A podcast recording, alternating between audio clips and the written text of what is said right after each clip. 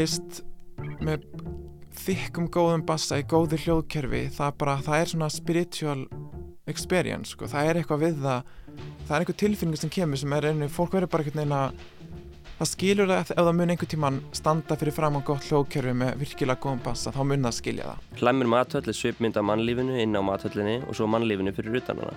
Innan vekkja hlæms geta bæjarbúar og túristar sesta snæðingi og fengið sér drikk í hlíunni en fyrir utan eru þeir sem neitað er um ingöngu sögum þess að vera mýmöfnanótundur. Það sem okkur kannski vantar ekki er kraftinn og samstöðuna og, og hérna, áræðinina en stundum vantar kannski að, að vera hlustað á okkur og svo vantar okkur danshús, okkur vantar svið, okkur vantar samastað. Í lestinni í dag, dansdagar, rjómi íslenskra heimildamynda og Eva 808. Ég heiti Lóa Björg Björnstóttir og ég heiti Kristján Guðjónsson.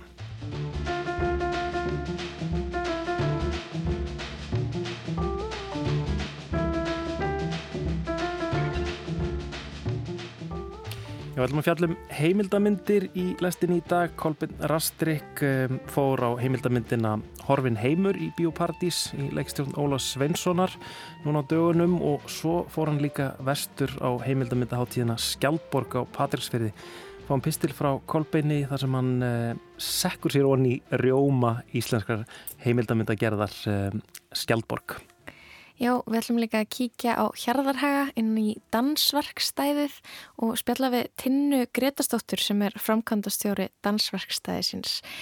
Þessa vikuna standa yfir dansdagar og í kvöld verður dansmarathón í borgarleikursinu. Hún Tinna segir okkur frá þessu.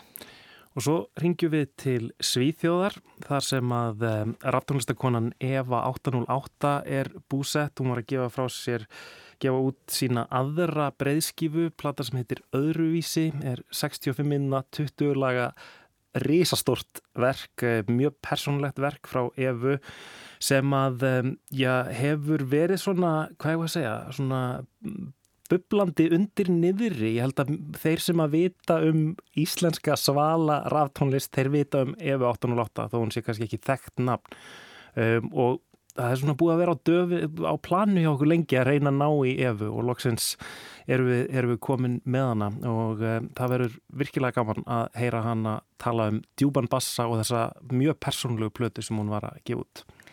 Við heyrum það setna í þættinum, við ætlum að byrja á heimildamindum.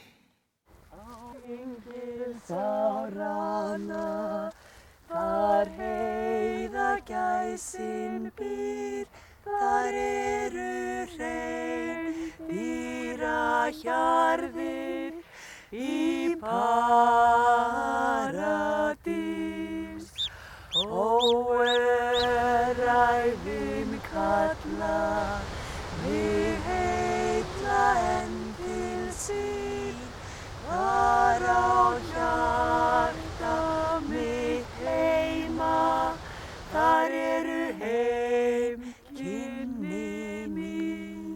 Síðastliðna viku hef ég ákveðið að kalla heimildamindavikuna miklu því mér tókst að sjá hvorki meira nýja minna en 16 íslenskar heimildamindir, bæði stuttmyndaformi og í fullri lengd, auk einnar erlendrar í fullri lengd.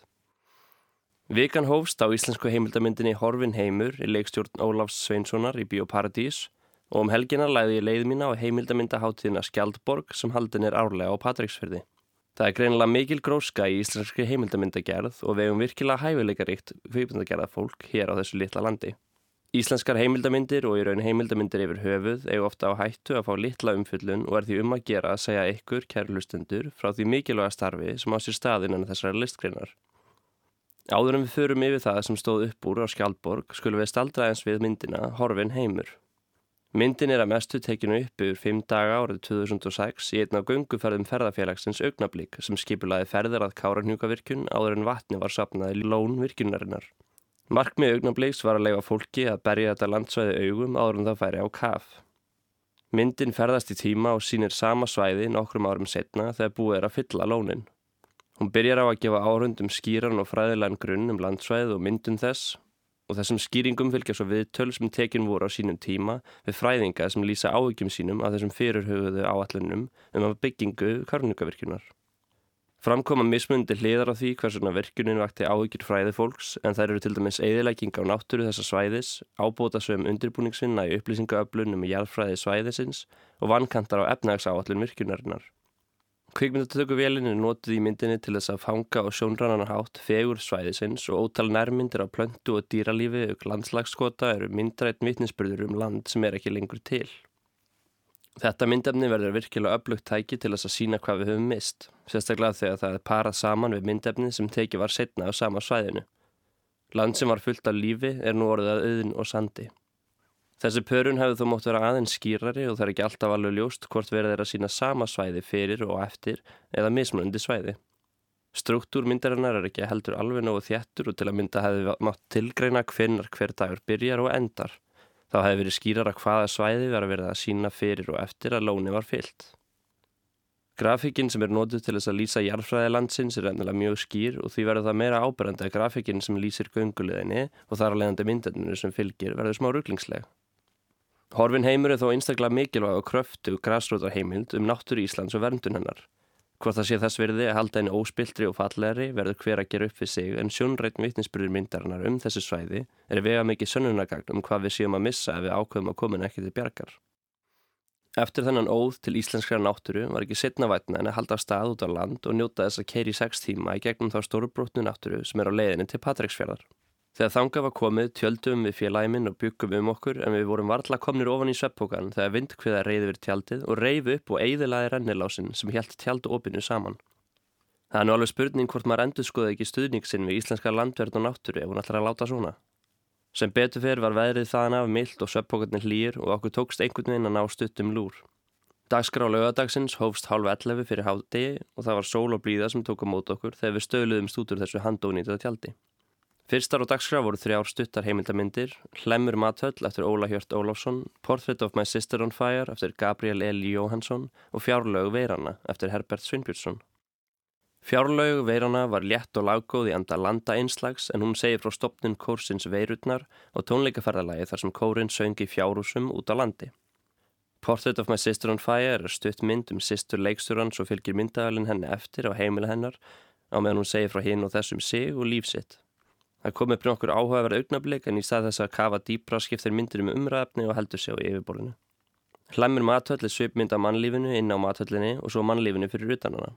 Innan vekkja hlæms geta bæjarbúður og túristar sesta snæðingi og fengið sér drikk í hlíunni en fyrir utan eru þeir sem neitað er um ingöngu sögum þess að vera mýmuöfnanótundur.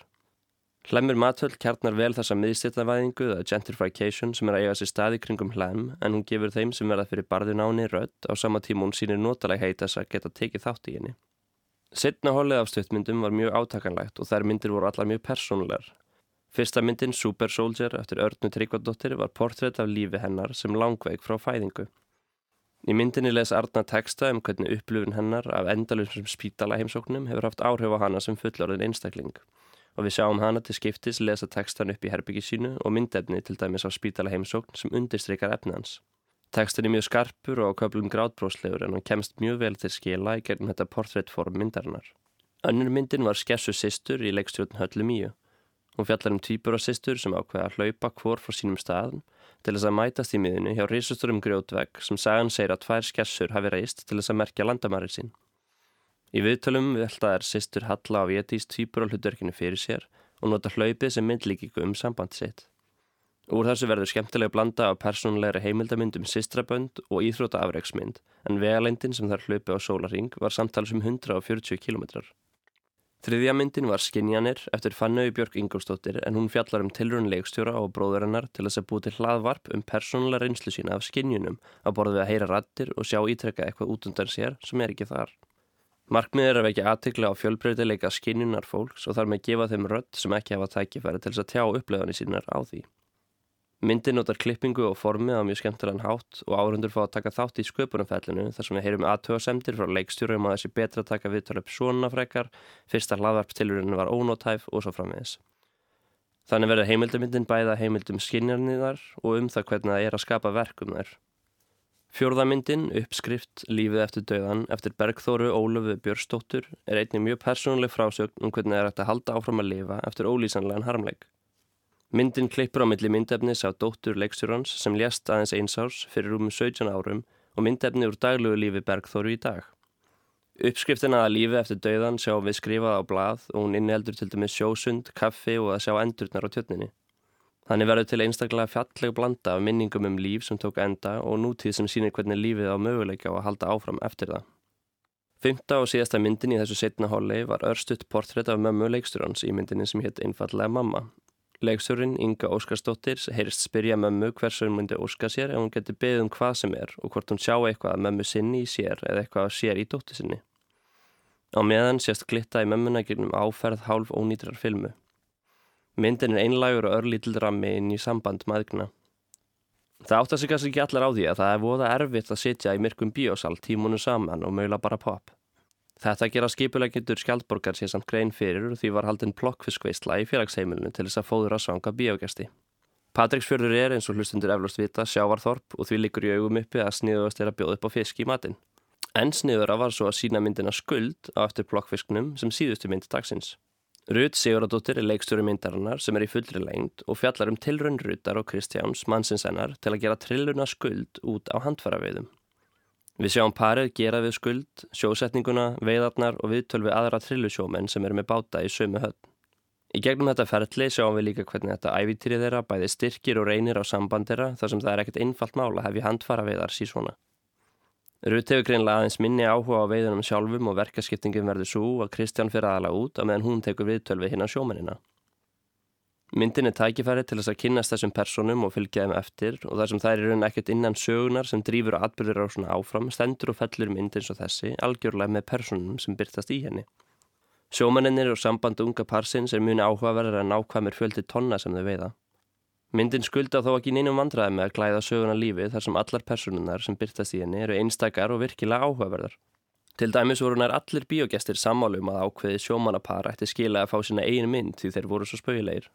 Kemistriðan á milli Rutar og Kristjáns er ekkert síður skemmtilega að fylgjast með og verður þessi mynd, sem á blæði kannski hljómar frekar þurr, dreffindin á köplum og kýmin í gegn.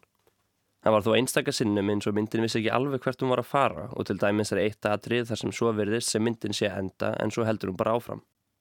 Áhörundur fá því ekki tilfýlinguna að sé neitt sérstaklega mikið í húfi en það er líka bara gott að geta hort á rólega og fallega mynd sem rétt eins og trillan skuld vakka rólega á bárunum en sleppur því bara að fara út að það er óviður. Þar með var dagskrá í Skjaldborgarbíu og lokið lögudaginn 27. mæ og kvílík dagskrá. Ekki nóg með það að ég var búin að sjá rjóma íslenskar heimildamindagerðar heldur hafði ég einnin á að rætta gistingu í húsi með hurð sem blessunarlega var hægt að loka. Inn í hlýju laug þar með fyrsta heila degi mínum á háttíðinni og í næsta peistli ætla ég að segja ykkur, kærlustendur, frá því sem bara á góma á sunnudeginum.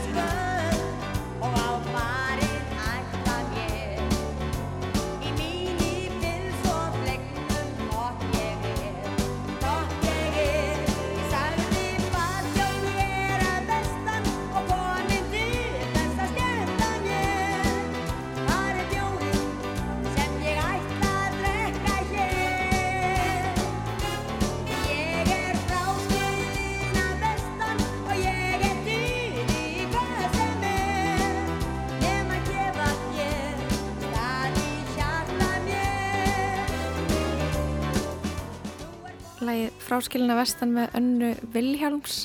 Kolbjörn Rastrik skellti sér eh, eins og svo margir aðrir á Skjaldborgum helgina á Patricksferði. Eh, en þeir sem voru ekki á Skjaldborg að horfa á heimildamindir voru örgulega heima að horfa á lokaþáttinn af afturöldingu.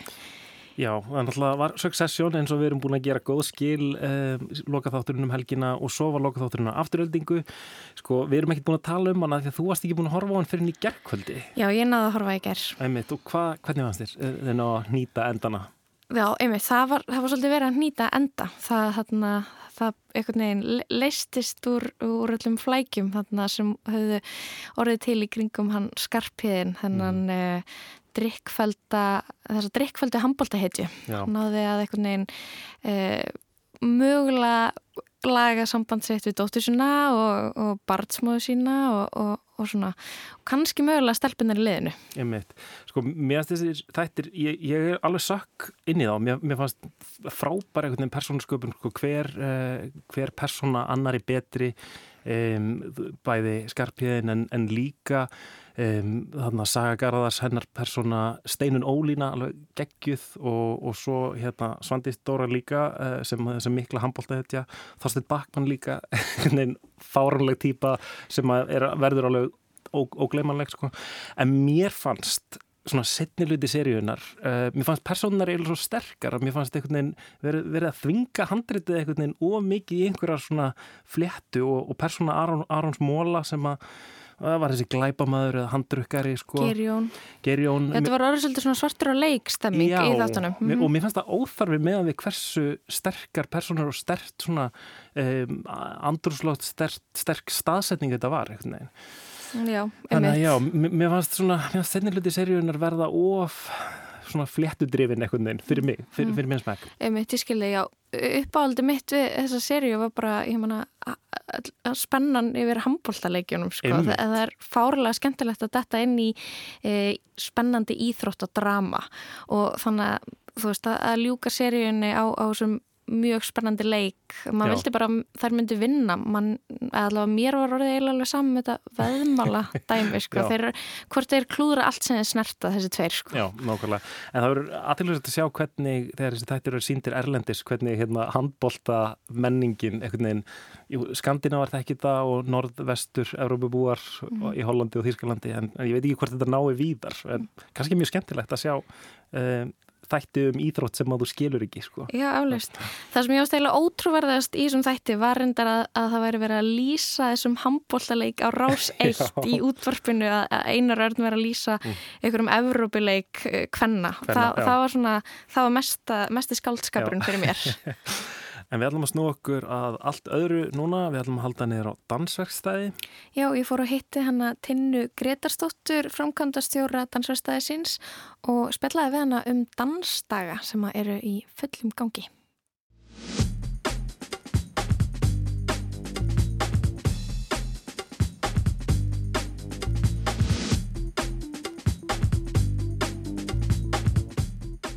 Hvað eru dansdagar?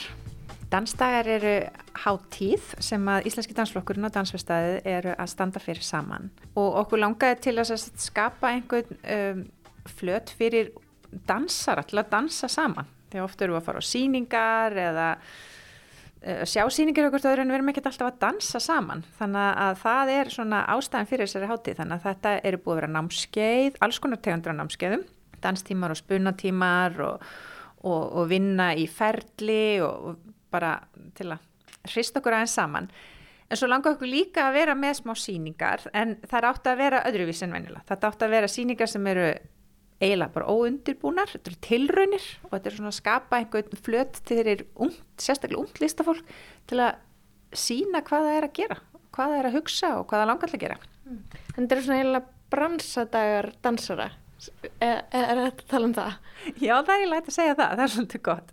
Já, það er svona og svo viljum við náttúrulega sem flestir komi en, en einmitt, kannski hafa smá svona fókus á að, að, veist, að minn okkur á að við hérna, elskum að dansa mm. og þess vegna eru við í svo fæi Erst þú búin að ná að dansa mikið í vikunni? Nei, ég hef búin að sjá rosa mikið dans og svo er ég meira svona baka tjöldin en í kvöld ætla ég að dansa Þú ætlar að dansa í kvöld, þá ertu að tala um dansmarathóni í borgarleikursinu. Getur þú sagt mér aðeins frá þessu dansmarathóni? Já, dansmarathonið er þess að það er eftir fjöra klukkutíma marathon.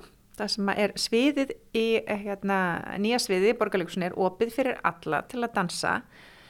Og það er eh, frábær nefandi í listaháskólanum sem kom til okkur með þessu hugmynd. Og hann er frá Íslandi, þetta er Július.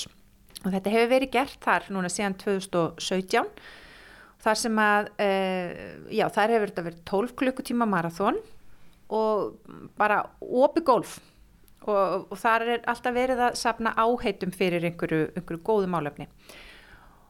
Og svona, já, Július kemur til okkur með þessu hugmynd og okkur finnst hún frábær, settum þetta inn í dansdaga. Og uh, Július er verið að skipilegja hennan viðburð og hann valdi uh, að við hérna að áheitum verið sapnað fyrir hátíðina list án landamæra. Og það kemur svolítið út frá þessari umræð sem er búin að vera í vetur um, um hérna, hver á sviðið og hver má vera á sviðinu og, og þannig að við erum svona að reyna að varpa ljósu á það og, og bara og viljum fá alla á sviðið í kvöld til að dansa saman. Og er pælingin að dansa í fjóra klukktíma? Sko það væri frábært ef allir getur dansað í fjóra klukkutíma en við gerum okkur grein fyrir að það er ekki alveg, hafa ekki allir tíma til að gera það eða orkuna kannski þannig að það má koma á dansi klukkutíma og það má koma klukkan 6 og það má koma klukkan 8 og það er ekkit, það er ekkit, verður ekkert lokað en, en hérna við hvetjum fólk til að reyna að vera í fjóra klukkutíma gólunu en svo auðvitað þá ræðum maður bara hvernig maður kemur. Ég ætla að koma með börnum mín, ég get alveg lofa að þau verða ekki með í fjóra klukktíma. Þannig að ég fer öruglega, verður öruglega að dansa smá, fer svo heim og kemur svo aftur og dansa meira. Einmitt, dansarar uh, að koma saman og dansa en eflaust líka bara ræða dans mikið. Uh, hvað svona brennur á, á dansurum, á, á dansstögum í ár? Hvað er þið búin að vera að spjalla um? Svo margt það var ringborsumræður hérna á þriði daginn þar sem við vorum að ræðum svona rauninni hvað þurfa dansarar, hvað vantar og það sem okkur kannski vantar ekki er kraftin og samstöðuna og, og hérna áræðinina en stundum vantar kannski að, að vera hlustað á okkur og svo vantar okkur danshús okkur vantar svið okkur vantar samastað Íslenski dansflokkurinn er 50 ára gammal og það er eina ástæðan fyrir að við erum að halda þessa hátíð saman. Þetta er svona svolítið líka til að fagna einu dansstofnun okkar. Og hann hefur aldrei átt sér degið heimili. Og það er kannski komin tímin til. Þannig að við tölum um uh, húsnæði innviði uh, öryggi starfsöryggi, við tölum um raunin allt það sem allir aðri starfstjéttir tala um uh, nema kannski bara í svona öðru formati eða svona en þetta er náttúrulega, þetta er vinnan okkar en þetta er líka ástriðan okkar og gleðin sko hér á Hjarðarhagunum erum við búin að vera síðan 2018 en dansvestæðið opnaði nýra á skúlengötu uh, þar sem að keksiði núna árið 2010 mm. þannig að við erum 13 ára mm. með smá hlýið þarna millir þegar við mistum húsnæðið mm. en já, en við erum búin að vera hérna á Hjarðarhagunum núna í næstum því 5 ár þetta líður svolítið rætt Já, ég veit, þú ert kannski ekki hlutlaus þar sem þú hérna, vinnur, vinnur fyrir dansastæðið og framkvæmstjóri hér en þetta lítur að hafa svona breytt miklu kannski fyrir dansennina að, að þið fara að halda út í starfsemi hér. Jú, algjörlega aðeinslegt að koma í svona frábært rými uh, sem að við erum rosalega ánað með og bara góðar almennilegar vinnuaðstæður. Og náttúrulega að gera eitthvað fyrir bara sjálfsmynd greinar að vera með góða aðstöðu. Og kannski meira heldur en við gerum okkur grein fyrir. Þannig að, að í fyrsta lagi bara þetta var stopnað árið 2010 er gjörbilding frá því þegar ég veist, er að byrja að starfa sem dansari hérna einhvern tíman á síðustu hérna, fyrir aldamotinn en hérna Já og svo komast núna í þetta húsnæði bara með góðri aðstöðu, með góður rými, með stórum sölum og ljósabúnaði og þú veist bara allt sé tipp-topp mm. og bara í góðu samstarfi við Reykjavíkborg. Þetta skiptir okkur rosalega miklu máli.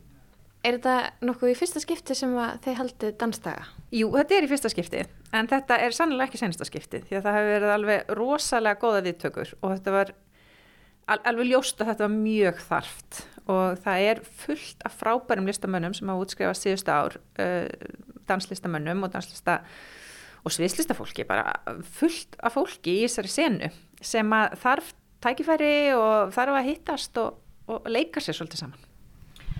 Nú var fólk að hann að flikast frá gang þá vantilega að klára danstíma? Eða eitthvað annað Þetta er hópur sem er að klára æfingu, þetta er vinslan, þannig að hér var þau á sinni fyrstu samæfingu í dag, hefur verið að þróa nýtt verkefni. Svo er uppi, var eh, sirkustími í morgun og, og, og það er spunatími í gangi núna.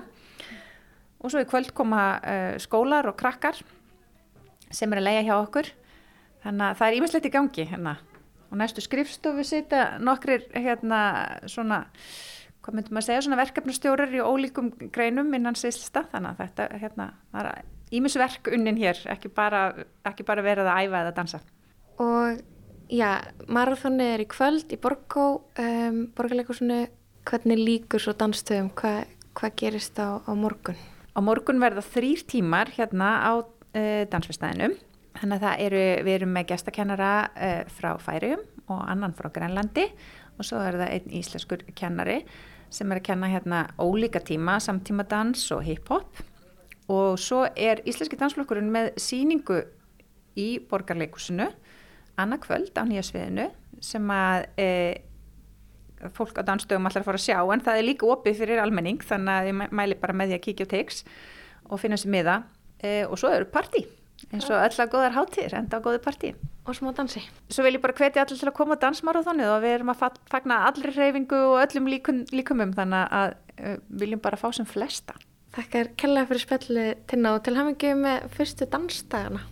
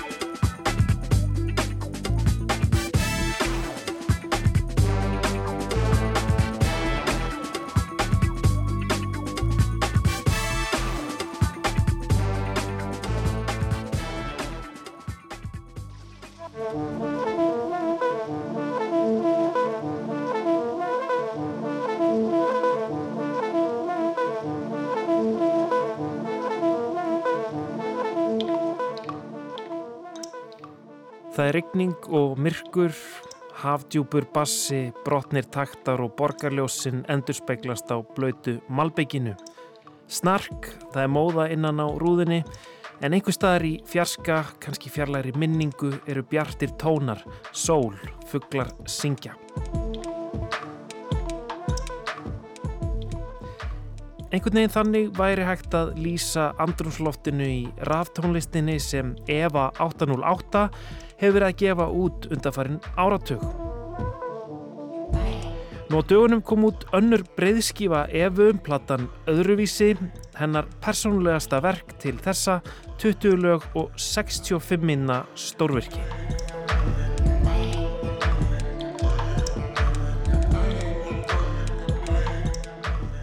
Ég heiti Eva Jónsdóttir og ég er rauninu bara artisti, prodúser, mixing engineer það er svona alveg sem ég gerir. Svo er ég líka ég hérna, spila live set cirka svona einu sinni mánuði þá fer ég að spila tónlistan mína live.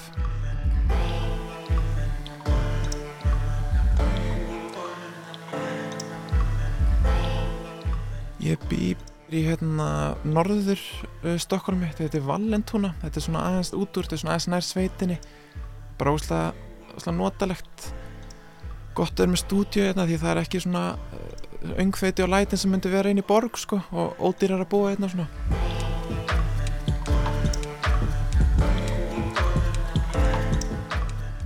Ég byrja rauninni bara að leika mér að gera tónlist alveg frekar snemma. Þú veist, ég var eitthvað svona að leika mér að glamra á eitthvað piano og eitthvað og, en, en ég fór í rauninni ekkert að sko prodúsa tónlistina svona fyrir eitthvað alvöru fyrir kannski fyrir 2012 cirka þá fer ég úr semst, FL Studio sem ég byrjaði á bara sem ég margir byrjaði á að bara veist, leika sér í sem úlingar skilur. Og þá fór ég yfir í Ableton 2012 og þá byrjaði ég að svona, taka þess að mér alvarlega sko. Og, og, og hvenar byrjar að gefa út uh, undir þessu nafni Eva 808? Það var í rauninu fyrsta sko 2013 minni mig. 2013 og 2014 ég, það er eiginlega bara, ég held að sé núna bara að slagi akkurat 10 ár sko Og, hérna, og þetta nafn, þetta er náttúrulega, er þetta ekki tilvísun í, í trommuheilan fræga, þarna, Róland 808, er, er, er það eitthvað... Tíðar 808. Já, er það eitthvað tæki sem að þú svona, hérna, varst ástfangin að og hefur notað eða eitthvað? Já, í rauninni sko, ég var bara svo ástfangin af sko, í rauninni bara bassa, bassatrommunni og þú veist því úr 808 græni sko og að því að tónlistin mín er svo mikið byggð og var alltaf svo mikið byggð á lágum tíðnum og svona það spila stórum part og þá fannst mér þetta ekkert nefn vera svo er einnig góð tilvísin í það Eva og svo 808 Lára Tínir Hva, hvað, er það, hvað er það við djúpan bassa sem er svona uh, heillandi? Hvað, hvað dregur þið að þessum djúpa bassa?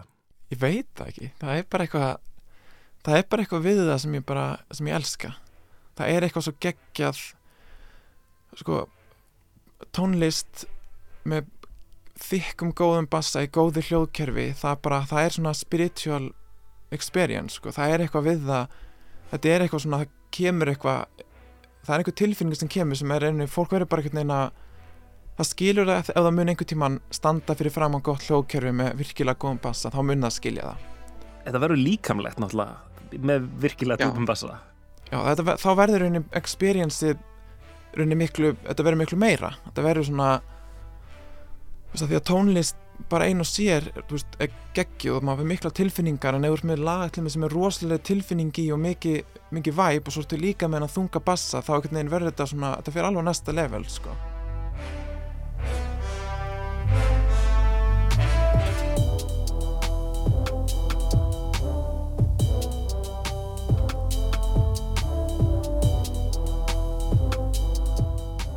Þú heillast að einhvern veginn djúpa bassanum uh, og, og maður einhvern veginn, maður, maður auðvitað heyri það í tónlistinniðinni og, og þegar það er talað um tónlistinniðina þá, þá er oft talað um einhvern veginn á, áhrif kannski úr dubstep og grime og öðrum svona bassadrifnum, raftónlistassenum. Já, er, er, það, er það góð lýsing eða sko, hva, hvar, hvaðan er svona þitt tónlistarlega genamengi einhvern veginn? sko ég myndi segja að svona smám saman eftir allir þessi ár þá er ég rauninni bara ég bara er að gera mitt eigið þeng því að það er svo rosalega margar senur og blanda konar sem ég er búin að setja í eitt hrærigraut fyrir svona mitt signature sound. Þannig það er rauninni það að bara nefna einar tvær senur væri kannski ekki nóg til að lýsa tónlistinni. Að því einhvern veginn er að gera svo margt mismunandi og mismunandi þú veist, taktar og mismunandi hraði á lögunum þannig að mér finnst það einhvern veginn sem ég segi, það er bara bara tónlist sko, tónlist og, og, og með góðum bassa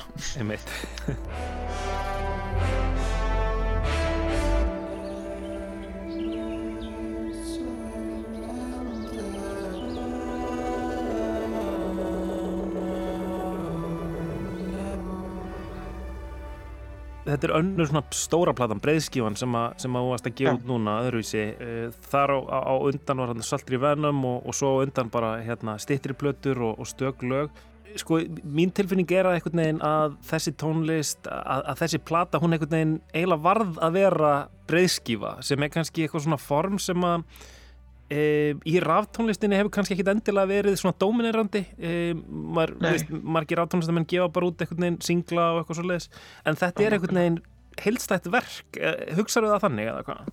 klárlega. Nú er ég einhvern veginn komin kannski á þann stað sem artisti og sérstaklega ég hef verið núna allir mista meira og meira að taka upp kannski einu vókal og að gera svona veit ekki, ég sé þetta einhvern veginn fyrir mér sem verk og ég oft sé þetta kannski fyrir mér sem eins og svona kvikmyndasoundtrack sko. Og þá einhvern veginn því að kvikmyndasoundtrack stundum eru geta verið alveg þú veist, 25 lög stundum 30 lög.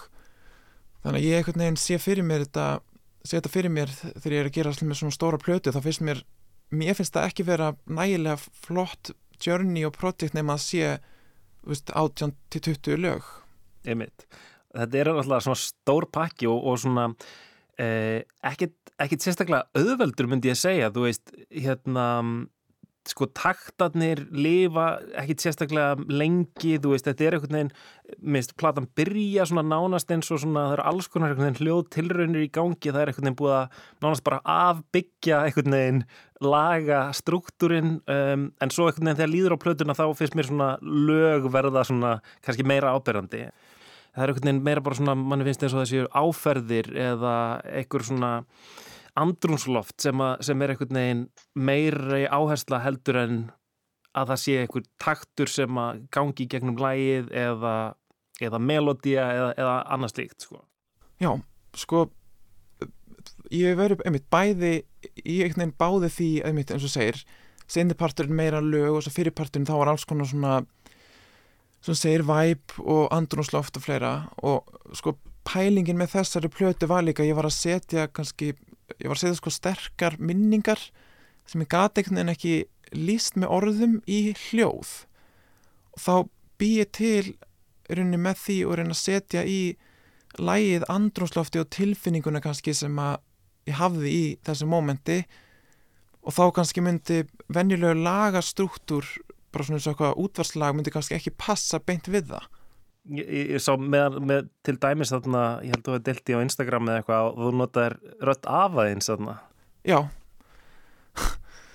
Og hérna þetta er klift, klift úr, úr viðtali við hann, hann var í Íslandi í dag einhver tíma því hann var uh, hérna, þekktur fyrir það. Var eitt þekktasti svona esju göngugarpurinn hérna og svona var svolítið svona pæjonir í því að nota esjuna sem, sem líkamsrækt sko.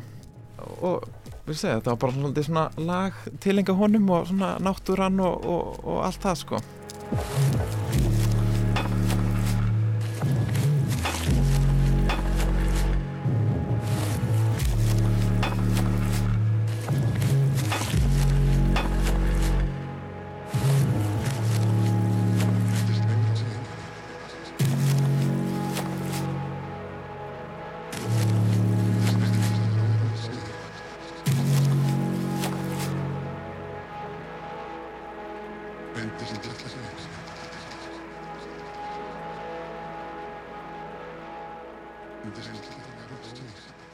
Hvern, hvernig vinnur þetta? Hvaða aðferðir, hvaða, hvaða tæki ert að nota? Sko í, á þessari plötu þá er til minnst allar rattinnar öll svona vókals þannig sé það eru mín eigin rött sko sem ég bara tók upp og mixaði og bara notaði raunum bara eins og ég hefði kannski áður fyrir samplað einhver acapellur og eitthvað þá notaði ég bara mín eigin rött sko og í þessari plötu þá er raunni það er ekki, ekki kannski mjög mikið samplað, náttúrulega eitthvað og margt af því myndi það vera óþekkjanlegt. En á þessari plötu þá var ég til minnst mjög mikið að nota VSTs og plugins til minnst um, svona orkestrar plugins og svona brass og, og fleira sko sem að ég raunir bara bý til við alla mínar, þetta er allt mínu eigin melodýr og svo bara mixa ég þetta þannig að þetta hljómar eins og þetta sé úst, samplað úr einhverju skiluru, 70's dæmi en þetta er allt frá mér upprannlega Ok, einmitt. Og er þetta allt hölvi gert eða ert, ertu að, að þú veist taka upp líka hljóðfæri eða uh, eitthvað field recordings eða eitthvað þannig? Sko, engin, ekkert af hljóðfæranum eru tekinu upp, þetta er aðalega í tölvunni eins og segi plugins og VSTs og svona. Og þá hef ég bara eitt rosalega löngum tíma ég að fá rétta sándi þannig að þetta sé í raunir hljómi eins og þetta sé alvöru upptökur og þá hef ég til minnst verið að notfæra með það að ég verið að taka hljóðin úr tölvunni og setja út í gegnum um, svona túbumagnara og fleira til að fá svona svolítið meira gritt í alvöru hlýtt sound sko Ah, einmitt. Ég einmitt hugsaði hérna, mér fannst ramagsgítarinn þarna sko, ég, hann hliti að vera sko organískur en, en greinileg ekki.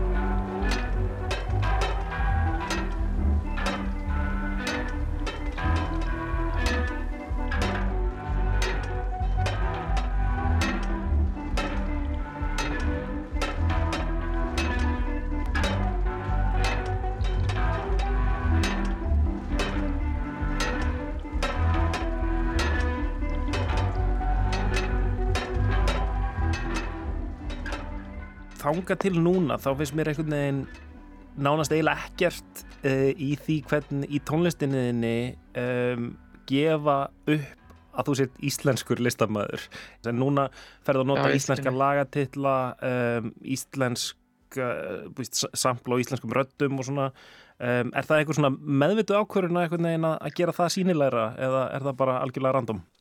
sko ekki, ég myndi ekki segja að væri ekki beint kannski um, ekki, ekki ákveð, hafi ákveða beint heldur það er meira bara svona náttúrulega gerist af því einhvern veginn ég fór bara meira og meira þú veist, ég fer bara meira og meira í það að bara gera nákvæmlega það sem ég langar til að gera og það sem ég finnst flott.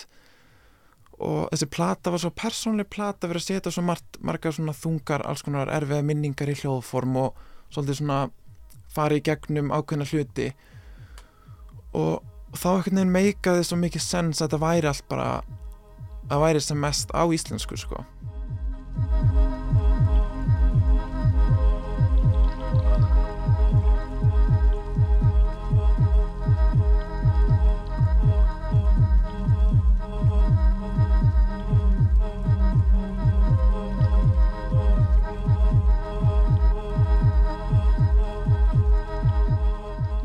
Hérna titillin, öðruvísi, hvað hérna, hver er pælingin á, á baku hann?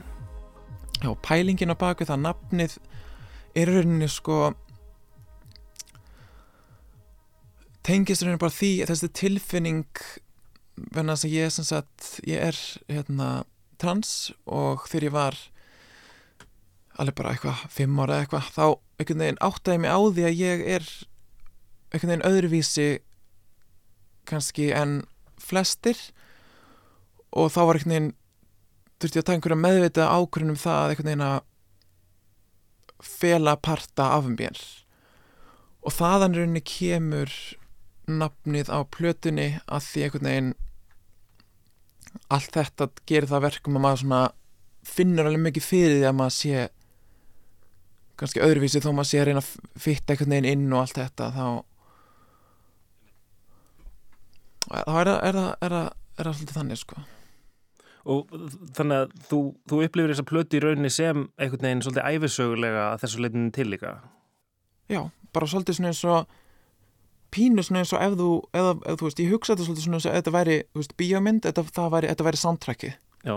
Þú veist, fara, þú veist, bara fara í gegnum alls konar einhverju erfiða minningar og fleira og setja það í hljóðform því það er svona ákveð þerapi í því að setja þetta yfir í hljóðform er einhvern veginn í búin að svona láta þetta frá mér og einhvern veginn að fara í gegnum þetta Einmitt, var, var það, þú veist, erfitt ferli að, að, kom að einhvern veginn að, að vinna í þessu og vinna í, í þessum þá eflaust rosa mörgum erfiðum sárum tilfinningum og einhvern veginn að reyna að, að miðla þeim.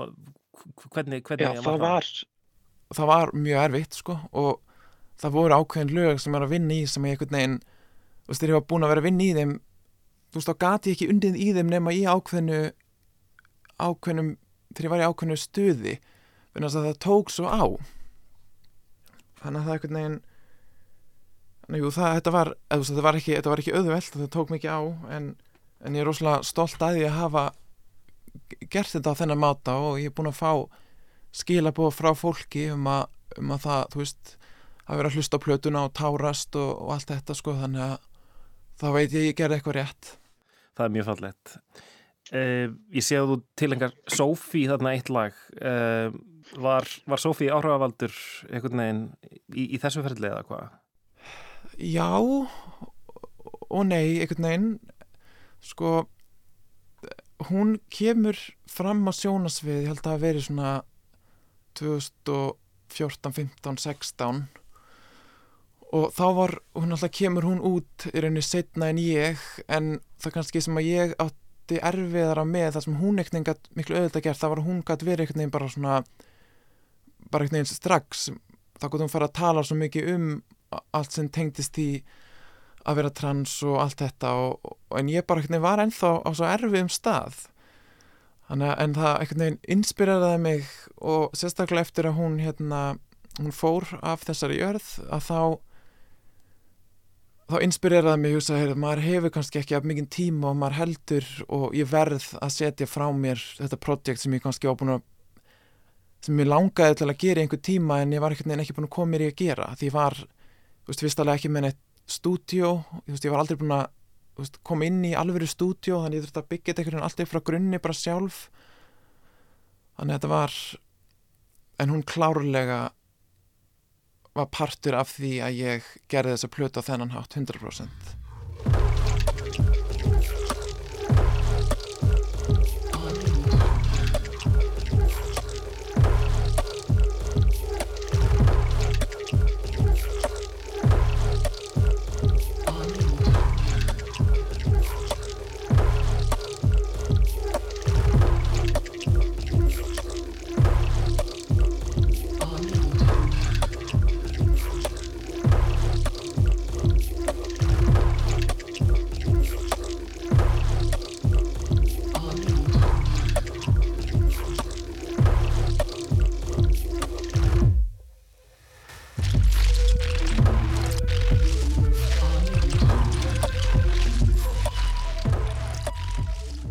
Ég er ekki búin að sjá náttúrulega gripin sjálfan svona hérna uh, vínilútgáðan, hún virkar ótrúlega vegleg og, og veginn mikið, mikið lagt í hana hérna, hvað, hérna, getur þú sagt, sagt mér eitthvað frá þessu? Er, er þetta, er, er þú að hanna þetta eða hvernig, hvernig, hvernig er þetta? Þetta er hérna, svona, það sem að mér sýnist er einhvern veginn, er hérna einmitt hlaupangsi framan á um, og, og það eru svona einhvern veginn svona miklar einhvern veginn áferðir og svo er hérna bakvið þetta ein- einhver svona, ein- eitthvað málmkend áferð líka og hérna, já, það er svona, það er, það er miklar áferðir þarna. Hvað, hérna, hvað getur þú sagt mér um uh, Já. umgjörina?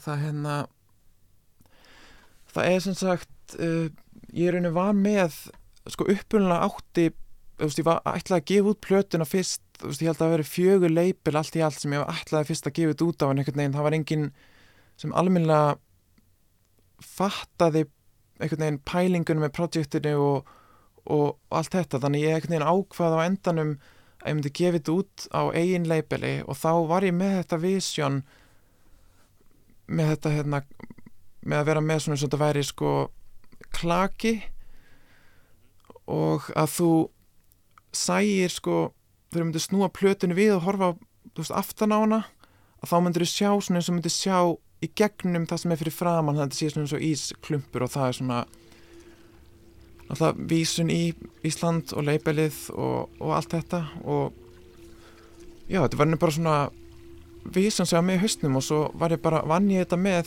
uh, ítölskum artista sem heitir hérna Marco. Og við bara græðum þetta saman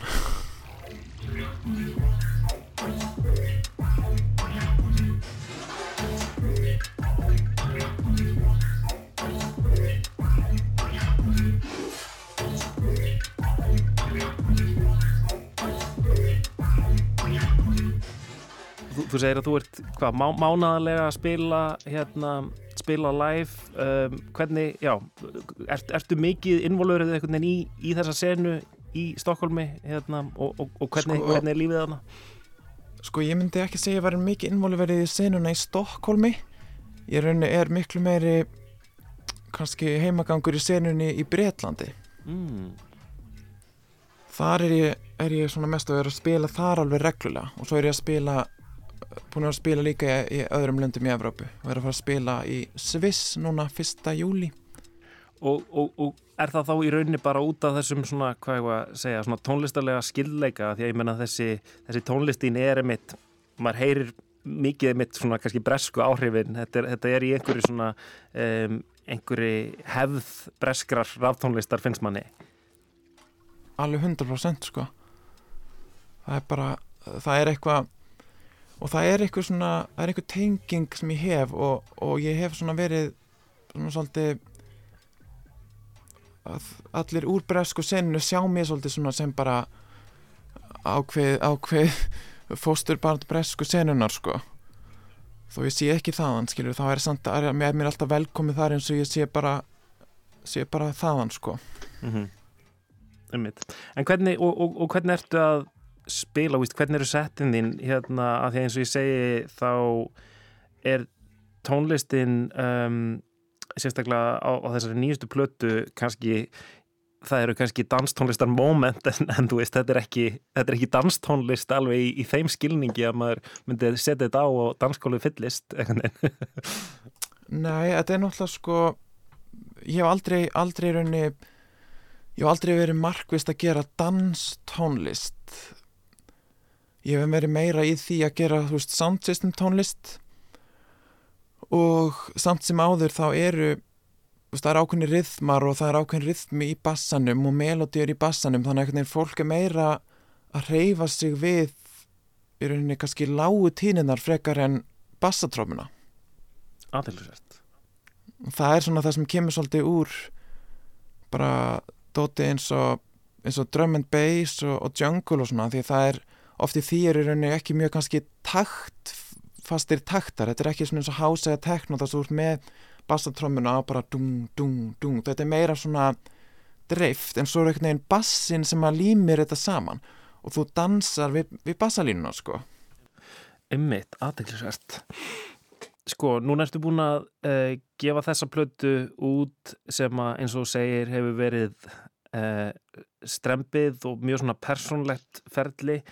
Hvað hérna, hva, hvað tekur við núna? núna er ég í rauninni að fara taka hana svolítið live og erum myndið að spila hana í Sviss í Bern, hann ekstar í fjöllunum núna í fyrsta júli en svo er ég í rauninni byrjuð á næsta projekti. Og það verður annað alveg frekar stórt projekt og ég er alveg komin ansi langt með það projekt Og verður það uh, jafn, intensíft, persónulegt? Já, já alveg, alveg 100% bara kannski önnur nálgun. Hvernig, hvernig líður þér að vera kom, búin að lo, veist, losa um þetta, koma þessu frá þér uh, snúa tónlistinniðinni á þennan hátt að, að hún, þú veist, þú notir röttina, segir þína sögu á svona persónleiri hátt er það, einmitt, er, er, það, er það losandi, er það eins og þú sést búin að fara í mjög góðan sálfræði tíma eða, þú veist, hvað tilfinningar? það er bara, er bara nákvæmlega það. Það er bara einhvern veginn alveg nákvæmlega það. Því maður er, er búinn einhvern veginn þetta, þetta losar um ákveðna tilfinningar og ákveðna skömm og fleira sem maður getur bara sett einhvern veginn í þetta og þá kannski staðin fyrir að reyna að útskýða þetta fyrir einhverjum með einhver sem skilur ekki þá er bara þetta hlusta á plötuna og þá kannski er þetta aðeins að, aðeins að skilja með aðeins betur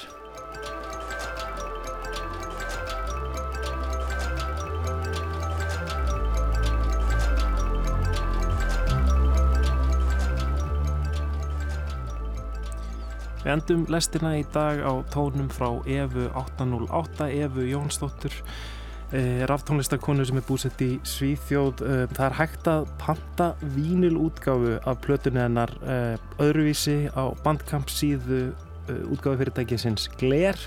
Leitið af Efu 808 Gler bandkamp og þá getið þið pantað hennan veglega pakka sem við rættum hann um mjög vegleg vínilútgáfa. Skemmtilegt, já, lestin er komin að leiðalögum í dag og þessa vikuna. Við Kristján og Lóa þökkum samfélgina.